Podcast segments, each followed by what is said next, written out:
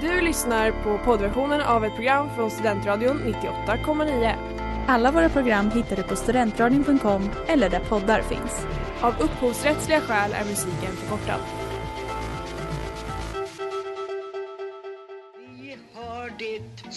Lugnt och skönt här i Stockholm. Ja, stockholmare är smartare än lantisar. Stockholmare tror att en lägenhet kan vara värd 43 000 kronor kvadraten. Tycker att det är okej att köa en timme för att komma in på en krog där ölen kostar 60 spänn och tycker att det är rimligt att en latte kostar 40. Är vi intelligentare så är vi jävligt bra på att dölja det i alla fall. Vad gör din farbror för något då? Dabbe? Farsa då? Hajar inte ditt eget modersmål va? Radio Holmensis, ett program av Stockholms nation på Studentradion 98,9.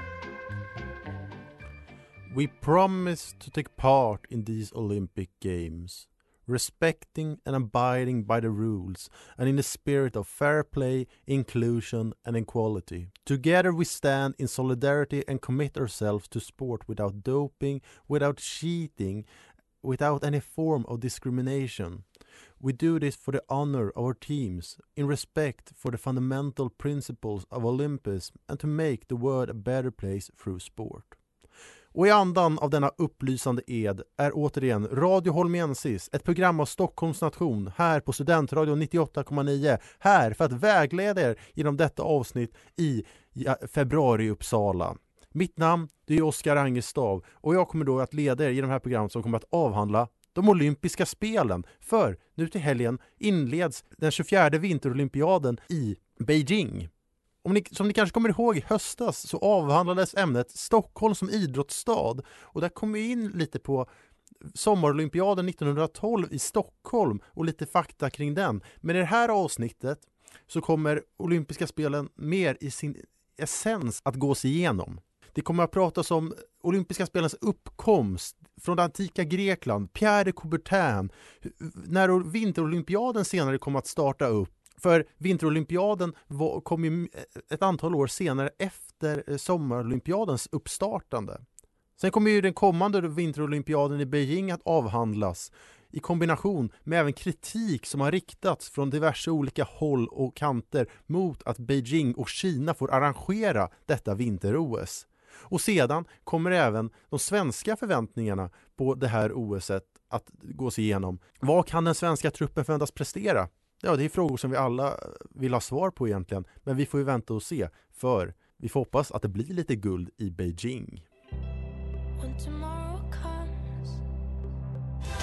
Hej, det här är Robin och du lyssnar på Studentradion 98,9. Say that med Paula Givén. Ja, men då börjar vi med de olympiska spelens uppkomst och det antika Grekland. De moderna olympiska spelen grundades år 1894 med första olympiad år 1896 i Aten. Inspirationen till spelen var hämtad från de idrottstävlingar som hölls till guden Zeus ära i Grekland under den antika eran. De antika spelen de var dock långt ifrån jämlika. Det fanns i huvudsak tre kriterier som definierade vem som var tillåten att få delta som atlet i dessa spel. Först skulle du vara man. Sedan skulle du vara av grekiskt ursprung och för det tredje skulle du vara född i frihet. Intresset för antiken, romartiden och generella tanken om de olympiska spelen kom att få en renässans under slutet av 1800-talet. En av de som intresserade sig för detta var den franske baronen och filosofen Pierre de Coubertin. Det Coubertin var påverkad av det gamla grekiska idrottsidealet om samspelet mellan kropp och själ och blev tidigt övertygad om vikten av fysisk fostran för utvecklingen av unga människor. Han hävdade också betydelsen av internationella idrottstävlingar för att hindra stridigheter mellan nationerna och skapa fred. Att återuppliva de olympiska spelen såg de Coubertin som sättet. För att kunna arrangera de olympiska spelen skapades därigenom även den internationella olympiska kommittén förkortning IOK. Det var även de Coubertin som kom att mynta det bevingade motto som än idag lever kvar som en beskrivning av vad de olympiska spelen går ut på i dess essens. Det lyder ju i olympiska spelen är det inte viktigast att vinna, utan att delta. Det viktigaste i livet är inte att segra, utan att kämpa väl. Det ska även tilläggas att Pierre de Coubertin har faktiskt även själv tävlat i ett olympiskt spel. För under de första spelen kunde man nämligen tävla i konst och litteratur. Under pseudonymen G. Horod M. Esbach vann han guldmedaljen i litteratur vid de olympiska sommarspelen i Stockholm år 1912 med dikten Ode till sporten som inleds med den bevingade raden O sport, du gudagåva, du livselixir. De olympiska spelen som anordnades då i Aten år 1896 blev en stor framgång. Antalet deltagare var cirka 250, vilket gjorde det vid denna tidpunkt till det största idrottsarrangemanget som hade arrangerats sedan den antika eran. De grekiska arrangörerna var även så pass hänförda att de föreslog att spelen permanent skulle lokaliseras till Grekland. Men efter denna framgång som de olympiska sommarspelen i Aten var hamnade dock den olympiska rörelsen i en form av kris. De efterföljande spelen i Paris år 1900 och St. Louis år 1904 präglades av dålig organisation och ett litet intresse. Och det kom även så att spelen kom att arrangeras i samband med världsutställningar som arrangerades på dessa platser. År 1906 följde en återgång till Aten då ett form av extraspel genomfördes för att försöka få liv i de olympiska spelen igen i och med att det var så lyckat just när det hade arrangerats i Aten. Detta ledde även till att intresset återuppväcktes och 1908 ägde spelen rum i London. Efter det har liksom spelen bara kommit att växa i mängd. Även om det, fin det finns en hel del skandaler kring en hel del olika olympiska spel. Om jag ska nämna kortfattat, Berlinolympiaden 1936 går även under benämningen som Hitlers propaganda-olympiad. I München 1972 kantades ju av terrorattentatet och så finns det ju även under senare år att de olympiska spelen har kommit att bli en kostnadsfråga. Spelen har, har i flertalet tillfällen hamnat i länder som snarare inte är demokratier utan en form av auktoritärt styre där pengarna har avgjort att de har fått spelen för att de har resurserna för att kunna arrangera dem. Vinterolympiaden i Sochi sägs ha kostat 50 miljarder dollar att arrangera. Man måste ju ta sig då en tanke, är det värt det? Med tanke på vad spelen ändå en gång gick ut på. Det viktigaste är inte att vinna, det är att delta.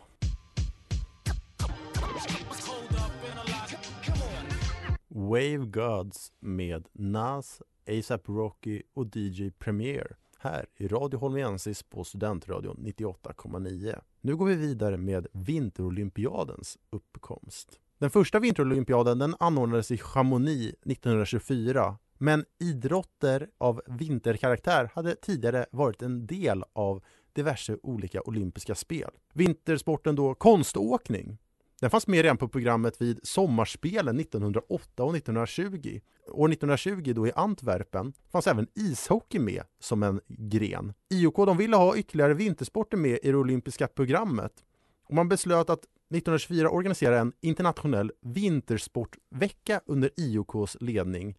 Och det var denna vecka som mynnade ut i den första vinterolympiaden i Chamonix. Men det var egentligen inte en vecka, för denna internationella vintersportvecka varade i 11 dagar. Men det blev en fruktansvärt stor framgång. Och detta gjorde att IOK redan efterföljande år tog beslutet att fortsätta arrangera vinterspel och att då Chamonix retroaktivt skulle ses som den första vinterolympiaden. Vinterspelen arrangerades först i samma land som arrangerade det dåvarande sommarspelet. Men från 1948 och framåt har utnämningarna kommit att vara separata. Under många år så som sagt så arrangerades då sommarspelen och vinterspelen eh, samma år. Men år 1986 beslöt IOK att spelen skulle arrangeras olika år och från 1994 har vinter och sommarspel då haft separata cykler. Vartannat år är det ett vinterspel, vartannat år ett sommarspel. Och det som egentligen man kan säga om vinterolympiaden är att till skillnad från sommarolympiaden så är det lite mer begränsat. Det är färre länder som deltar i vinterolympiaden, mycket beroende på grund av åtkomsten till snö. Rätt viktigt om man tänker efter. Men i Sverige, Norden, i Europa, Nordamerika och eh, Asien har vinterolympiaden haft, den är av stor vikt. Och det är även hos andra länder.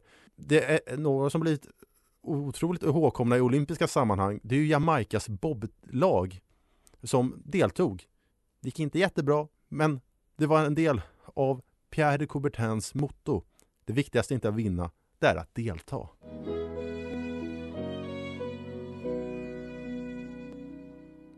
La Bella Vita med Mattis, vilket även är veckans singel här i Radio Holmiensis på Studentradion 98,9. Den 24 vinterolympiaden, den i Beijing nu år 2022, den startar ju upp nu i helgen. Beijing är ju som sagt den första staden i den olympiska historien som har kommit att arrangera nu både ett sommar-OS och ett vinter-OS. Det finns flertalet andra städer som har arrangerat flertalet olympiader, men då i, för samma årstid. London exempelvis har arrangerat tre stycken sommarolympiader. Tokyo har arrangerat två sommarolympiader, för att nämna några få. Den 31 juli 2015 som Beijing kom att tilldelas den 24 vinterolympiaden. Från början så var det ett par eh, andra städer som ville arrangera detta vinter-OS. Stockholm var det lite surr om. Det var även prat om att eh, Polen skulle arrangera med Krakow eller att Ukraina skulle arrangera i Lviv. Och Oslo var även inne på att söka. Det fanns även intresse från eh, Centraleuropa i form av München och eh, schweiziska Sankt Moritz. Men i slutändan så kommer det att stå mellan då Beijing i Kina och Almaty i Kazakstan. Kina kom att vinna denna omröstning om att få arrangera vinter-OS med röstsiffrorna 44-40. Så det var väldigt tajt.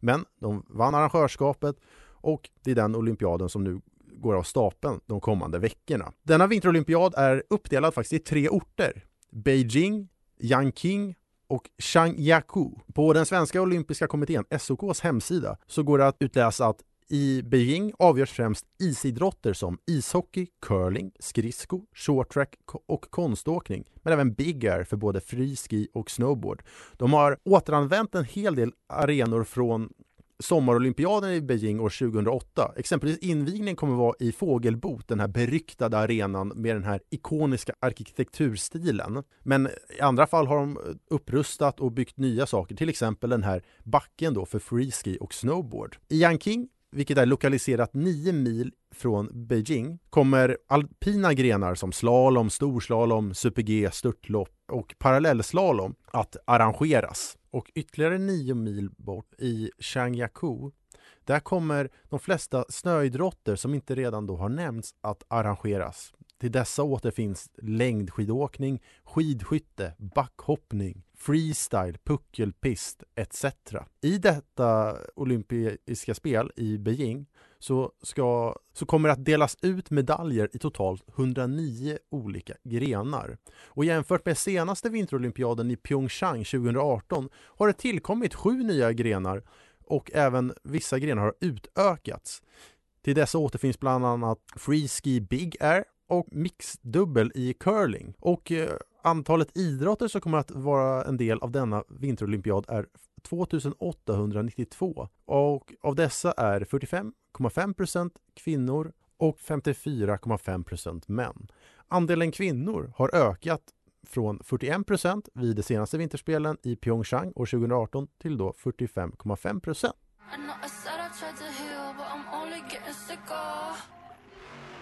Gott folk, gott folk, gott folk. Det här är Timbuktu och ni lyssnar på Studentradion 98,9. Skruva upp volymen. Changes med Audrey Nanna. Men nu när vi har pratat om vad själva vinterolympiaden i Beijing kommer att handla om så är det mer än rätt att prata om den kritik som har riktats mot valet av Beijing som arrangör för denna vinterolympiad. I mångt och mycket så är det kopplat till Kinas hantering av mänskliga rättigheter, eller snarare deras bristfällande hantering av mänskliga rättigheter. Det har lyfts från olika håll att atleterna skulle eventuellt bojkotta men då måste man se det i det här forumet att de här atleterna som deltar har ju tränats hela sina liv det är ju OS som är det största för dem att få vara en del av. Och ska de då inte få vara en del av det största som de kan tänka sig i deras karriär, i och med att OS arrangeras så få gånger, på grund av att en viss arrangör har fått mästerskap. Det blir ett moment 22 för dem och där är det snarare av vikt att lyfta kanske det som Sebastian Samuelsson, vår skidskytt, har lyft vid ett antal tillfällen. Sebastian Samuelsson riktar ju kritik mot dem och menar att ja, men de borde aldrig ha fått det från början. I en intervju med Expressen så sa han “Jag tycker det är tråkigt. Det är inte ett land där man hade velat ha ett OS i. Men det är inte så mycket jag kan göra åt det. Det är bra att diskussionen kommer upp och bra att du ställer frågan, för det är så vi kan få till en förändring i framtiden. Vi vill inte att det ska vara så, att stora arrangemang och evenemang arrangeras i dessa stater. Då gällande mänskliga rättigheter och deras bristfälliga hantering i Kina så kan mycket kopplas till en mängd olika frågor. Exempel på detta är situationen i Hongkong, situationen i Tibet som varit en, eh, hållit igång sedan 50-talet. Men det som framför allt har varit aktuellt under de senaste åren, det är Kinas agerande i den nordvästliga regionen Xinjiang. Det är den som framförallt har stått i fokus för de protester som har riktats mot Kina den här gången. För enligt uppgifter från en mängd olika människorättsorganisationer ska uppemot två miljoner människor ur folkgruppen uigurer och andra muslimska minoriteter hållas i arbetsläger i denna region. Så ska den olympiska traditionen då arrangeras i ett land som internerar medborgare av sitt land? Det är en fråga som är värd att lyfta. Kritik har även i USA riktats mot valet av eh, Beijing. USA kommer att diplomatiskt bojkotta den, den här vinterolympiaden. Och med det menas att de inte kommer skicka några statliga representanter till Kina. Och då beror det framförallt just då på Kinas bristfälliga hantering av mänskliga rättigheter. Det har även riktats kritik i USA från olika politiker mot att stora amerikanska företag ska sponsra denna vinterolympiad. Exempel på det, dessa är då Visa och Coca-Cola och de har till och med frågats ut i den amerikanska kongressen till följd av deras sponsorskap till Beijing-olympiaden. För, för att citera Fredrik Fällman, som är docent i sinologi och styrelseledamot i Svenska PEN angående valet av Beijing som arrangör för denna vinterolympiad. Det är sorgligt att den olympiska rörelsen tilldelat Beijing ännu ett olympiskt spel, samtidigt som det pågår övergrepp mot uigurer och andra grupper över hela Kina. Det är sorgligt att man inte ser en större bild av systemet. Med andra ord, ska de, våra atleter från Sverige, från övriga världen få åka dit och i princip då marknadsföra denna olympiad. Det är ju en form av det här begreppet sportwashing som har varit väldigt uppe på tapeten under de senaste åren. Det vill säga att man använder idrotten för att tvätta sitt varumärke. Att det ger god PR att arrangera ett evenemang av denna kaliber, av denna karaktär för att då gynna intressen för ens land. Qatar är ett exempel på det med med tanke på den mängd gästarbetare som har dött under uppbyggandet av de arenor som kommer att vara en del av fotbolls-VM senare i år. Ända sedan Qatar tilldelades detta VM har det ju varit mycket debatt om huruvida de egentligen borde fråntas det här fotbolls eller inte. Dels på grund av muter och då dels på deras hantering av ja, mänskliga rättigheter. Och det är också då en fråga kopplat till Kina. Är det så här vi vill att idrotten ska vara i framtiden? Ja, vi får se, men det går ju Det är en rak kontrast till vad Pierre de Coubertin en gång ville att den, de olympiska spelen skulle vara. Query med Barry här i Radio Holmiansis på Studentradion 98,9. Ja, men nu går vi vidare då till något lite roligare och pratar om de svenska förväntningarna på denna vinterolympiad. För de är stora. Det finns en mängd olika atleter som verkligen kan prestera i Beijing. Om vi bara ska prata lite allmänt om truppen så skickar Sverige till denna vinterolympiad 116 aktiva atleter. De flesta av dem, eller en majoritet av dem, är en del av våra två ishockeylandslag. Men vi har en mängd atleter som verkligen kan komma att prestera. Enligt statistikföretaget Gracenote, som gör statistiska prognoser gällande hur varje land kommer att prestera i olika större tävlingar, exempelvis olympiska spel, så kommer Sverige i, detta, i denna olympiad att plocka hem 21 medaljer, vilket skulle vara ett rekord för Rekordet för Sverige är på 15 medaljer från OS i Sochi 2014. Av dessa 21 medaljer så förväntas sju stycken vara guld, sju stycken vara silver och sju stycken vara brons. Våra stora förhoppningar enligt Grace Note står framförallt till skridskoåkaren Nils van der Poel som förväntas ta två OS-guld och i längdskidåkning där vi förväntas ta guld i såväl sprint på damsidan som sprintstafett även för damer. Men som sagt, det här är ju bara prognoser, man utgår från olika variabler när de gör de här baserat på hur man presterat under säsong, presterat tidigare i form av mästerskap. Så att mycket kommer ändå bero på dagsform. Och något som är av vikt att ta upp när det gäller denna olympiad, det är ju covid. För de eh, atleterna lever ju i en bubbla där i Beijing. De eh, testas varje dag, de får inte röra sig utanför byn förutom då när de ska till tävlingar, när de åker med buss dit. Det är tydligen så att körfält nu när de har anlänt till eh, Beijings flygplats så har ett körfält i trafiken varit reserverat för atleterna så att de ska kunna ta sig smärtfritt till, till sin destination. Och det har även sagts att ifall en av de här bussarna då, som transporterar atleterna från de olika OS-byarna till tävlingsplatsen, om den skulle eh, vara en del av en trafikolycka eller något annat sånt, att den skulle krocka på något sätt, var, inte funka, då får, ska inte lokalbefolkningen gå fram och hjälpa. För att det ska då särskild personal göra, ska rycka ut. Kina har en nolltolerans mot covid och de har ju stängt ner städer bara av ett fåtal fall, vilket vi såg under julen nu med Chiang, en mångmiljonstad. Och det är också det här som leder till den här variabeln jag pratade om, det här med dagsform också när det gäller hur många medaljer vi kan plocka. För säg att covid smyger sig in i den svenska truppen i något av våra landslag. Hur, hur ska det gå då? Vi har ju sett nu på förhand att Norge har drabbats av covidfall nu när de var på träningsläger inför och vi, vissa av åkarna där, det är inte säkert att de kommer kunna delta.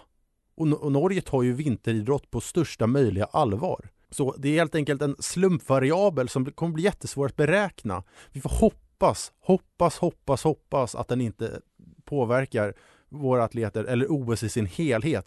Men med omikronvarianten och dess otroliga smittspridning, hur smittsamt omikronvarianten är. Det är svårt att förutse någonting för det verkar verkligen som att de flesta blir smittade av den. Men för att tillägga någonting kring den svenska truppen så kan det vara kul att nämna att en, vi har återigen en deltagare i den svenska truppen som har presterat otroligt bra tidigare. Haft lite svagare form de senaste åren, men det är såklart jag nämner Charlotte Kalla. Hon är ju Sveriges främsta vinterolympier genom tiderna tillsammans med Sixten Jernberg. Hon har tagit nio medaljer. Hon har tagit OS-guld i de tre OS som hon har deltagit i. Det är helt fascinerande. Och jag kommer senare i programmet att prata lite om mina favoritminnen. Men, och ett av dem kan jag säga, de är ju kopplat till Charlotte Kalla och jag tror, jag tror verkligen ni kan gissa vilket det är.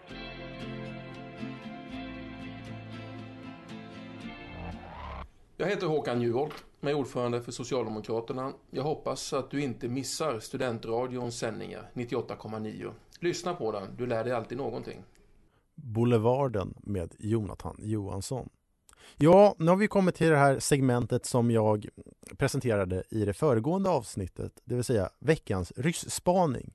Det blev ju inget förra veckan på grund av sjukdom och därför har jag dessvärre inte hunnit fixa en liten jingel till den här än. Men vi går en, det kommer såklart ändå att presenteras en veckans rysspaning och denna vecka kommer vi gå i lite historiens tema och blicka tillbaka mot 1900-talet. För i och med att veckans program avhandlar vinter-OS varför inte då berätta om en av de mest dominerande aktörerna inom vinter-OS-historien? The Big Red Machine, Sovjetunionens ishockeylandslag. Ishockey är förmodligen en idrott som Sovjetunionen tydligast dominerade inom under sin tid. Mellan år 1954 och 1992 vann Sovjetunionens ishockeylandslag åtta olympiska guld, 22 världsmästerskap, en Canada Cup-titel och vann 738 av de 913 ishockeymatcher som de spelade. De var helt enkelt en ostoppbar maskin som plöjde över varenda motståndare de mötte i princip.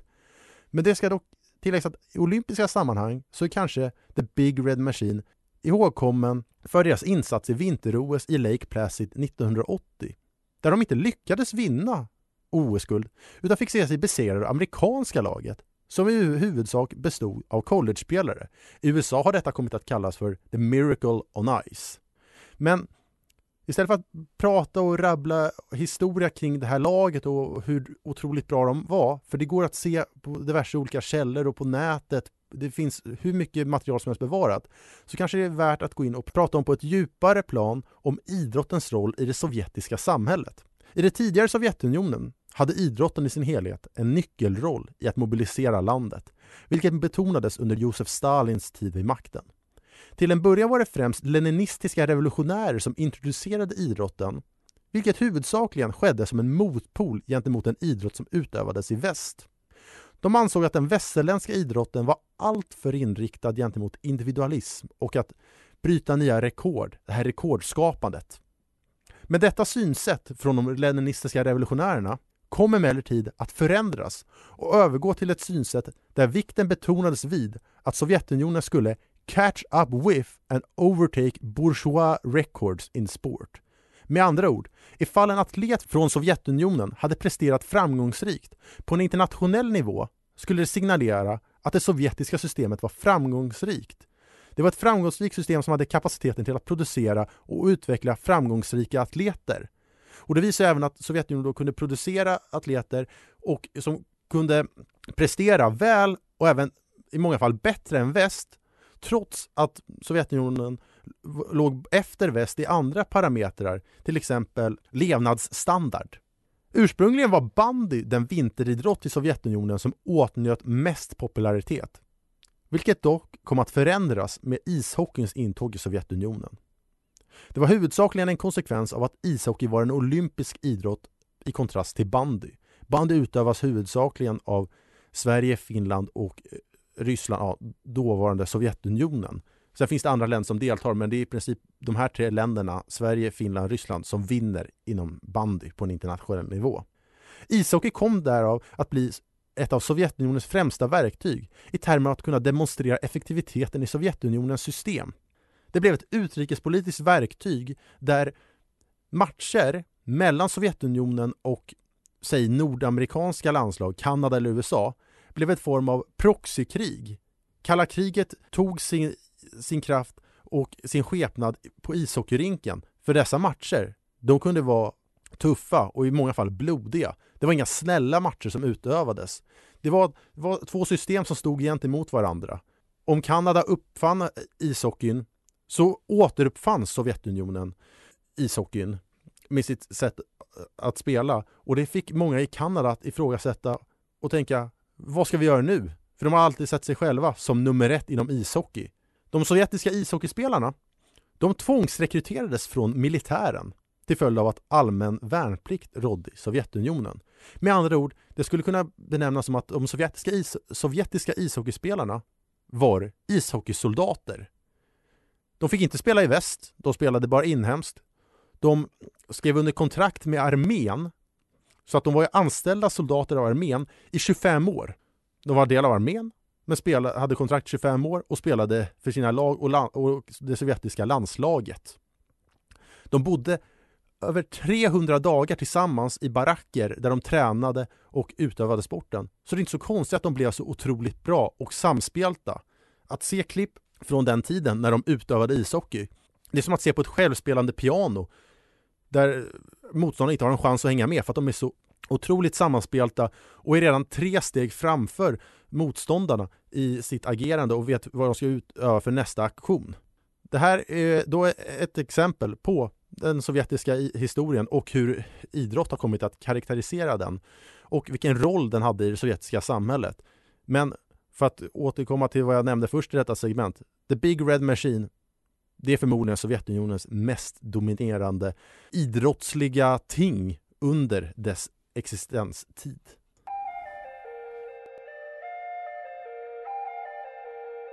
Tell me what you want med Alden här i Radio Holmiensis på Studentradion 98,9. Ja, nu börjar det här programmet att närma sig sitt slut och då tänkte jag att kortfattat gå igenom två olika saker. Först vad jag mest ser fram emot med OS och sedan mina främsta olympiska minnen från min livstid. Och om vi börjar då med vad jag mest ser fram emot gällande denna vinterolympiad så är det egentligen bara att få att den arrangeras och hoppas att den verkligen kan genomföras och att covid inte kommer ha den påverkan som man kan befara att det skulle kunna ha. Jag hoppas verkligen att det blir en eh, vinterolympiad där våra svenska atleter gör oss otroligt stolta och presterar på, på, en nivå som vi vet att de kan prestera på. Om jag ska nämna några atleter specifikt som jag ser mest fram emot att följa så är det ju framförallt Frida Karlsson inom längdskidåkningen. Ja, Nils van der Poel, jag kommer nog första gången sätta mig och kolla på skridsko för att se denna skridskofantom med tanke på hans genombrott förra året. Och, och sen bara följa skidskyttelandslaget. De kommer förmodligen producera och prestera riktigt bra resultat. Det är väldigt tråkigt tycker jag däremot att NHL-spelare inte har släppts loss till detta eh, olympiska spel. För att ishockeyn blir inte densamma när inte de är med. Det är tråkigt att, de inte, att det inte är de bästa som gör upp. Så ja, man får se om man kommer kolla på ishockeyn överhuvudtaget. Man kanske kollar någonting. Men sen om jag ska gå över nu då till mina främsta olympiska minnen. Jag tänker så här, jag kommer ta ut tre svenska och en utländsk. Jag tänker att vi börjar med de svenska och det första som kommer till mig egentligen, det är från när jag var nio år gammal och fick se Tre Kronor vinna OS-guld 2006 i Turin. Jag var otroligt hockeyintresserad då, förmodligen mer än jag är nu, även om jag fortfarande är hockeyintresserad. Och att bara se den glädjen och se det här målet när det är våra tre största inom ishockey som ja, ligger bakom avgörandet i Peter Forsberg, Mats Sundin och Niklas Lidström. Från samma vinter-OS hittar jag även ett annat minne och det är ju Anja Persson, att hon äntligen får ta sitt efterlängtade OS-guld i slalom. Äh, det var häftigt och jag kommer ihåg tv-bilderna när man fick se att Ingmar Stenmark äh, var på plats. Äh, det var, det var bara otroligt häftigt att ta in. Men sen, det går inte att komma förbi, som jag nämnde tidigare, vinter-OS i Sochi 2014. Sista sträckan på damstafetten, Charlotte Kalla. Sverige ligger ett antal sekunder efter, jag tror det upp mot 20 sekunder efter vid växlingen. Det är fem kilometers åkning. Charlotte Kalla åker i kapp som en furie och spurtar förbi Tyskland och Finland på upploppet. Äh, det var gåshud och då, då blev Charlotte Kalla ja, en av de största atleterna i, i svensk historia. Jag skulle kunna kanske sträcka mig till att säga att det är Sveriges största kvinnliga vinteratlet genom tiderna. Ja, den nivån och det hon gjorde då. Äh, hon gav folk ett minne för resten av sina liv. Ja, det var otroligt häftigt att se. Mitt utländska exempel, det är faktiskt, jag, jag, har inga minnen av det för det skedde när jag var fem år gammal. Men man har ju sett det så många gånger i efterhand och det är då från vinter-OS 2002 i Salt Lake City och från skridsko. Det var nämligen att det var en deltagare i skridsko då, en manlig deltagare från Australien som hette Steven Bradbury. Och det är grejen att han tog ju OS-guld. Och bara det att Australien tar en OS-guldmedalj, det är helt osannolikt. Det var deras första genom tiderna i då vintersport. Eh, men det är hur han tog den här medaljen som är det så fascinerande. Han skulle egentligen redan åkt ut i kvartsfinalen där han blev trea, Steven Bradbury. Men efter en diskning av den regerande OS-guldmedaljören eh, så kvalificerade sig han trots allt till semifinalen. I semifinalen då låg han sist, men i sista kurvan så föll två åkare så gjorde att han kunde ta sig vidare till finalen. I finalen låg han klart sist. Alltså, han var förbi och åkt mm, flera meter av sina konkurrenter. Men i sista kurvan före mållinjen föll samtliga utom Bradbury. Denna massvurpa gjorde att äh, de främsta guldutmanarna låg bara ner och så glider Bradbury över linjen med utsträckta händer och en häpen min och kan inte fatta att han har blivit olympisk mästare. Är det, det är det olympiska spelen handlar om, de här solskenshistorierna. Är det är ju otroligt häftigt att den här osannolika vinnaren går och vinner och det är mycket vad olympiska spelen är för mig. Hoppas att det här avsnittet har gett er lite inspiration och taggning inför den här kommande vinterolympiaden. Som jag har nämnt så finns det mycket kritik att rikta gentemot valet av arrangör. Men vi får ändå hoppas att våra atleter kan göra oss otroligt stolta, för vi vet att de kan det. Jag som har sänt heter Oskar Angestav och som vanligt såklart så önskar jag er en fantastiskt härlig torsdag.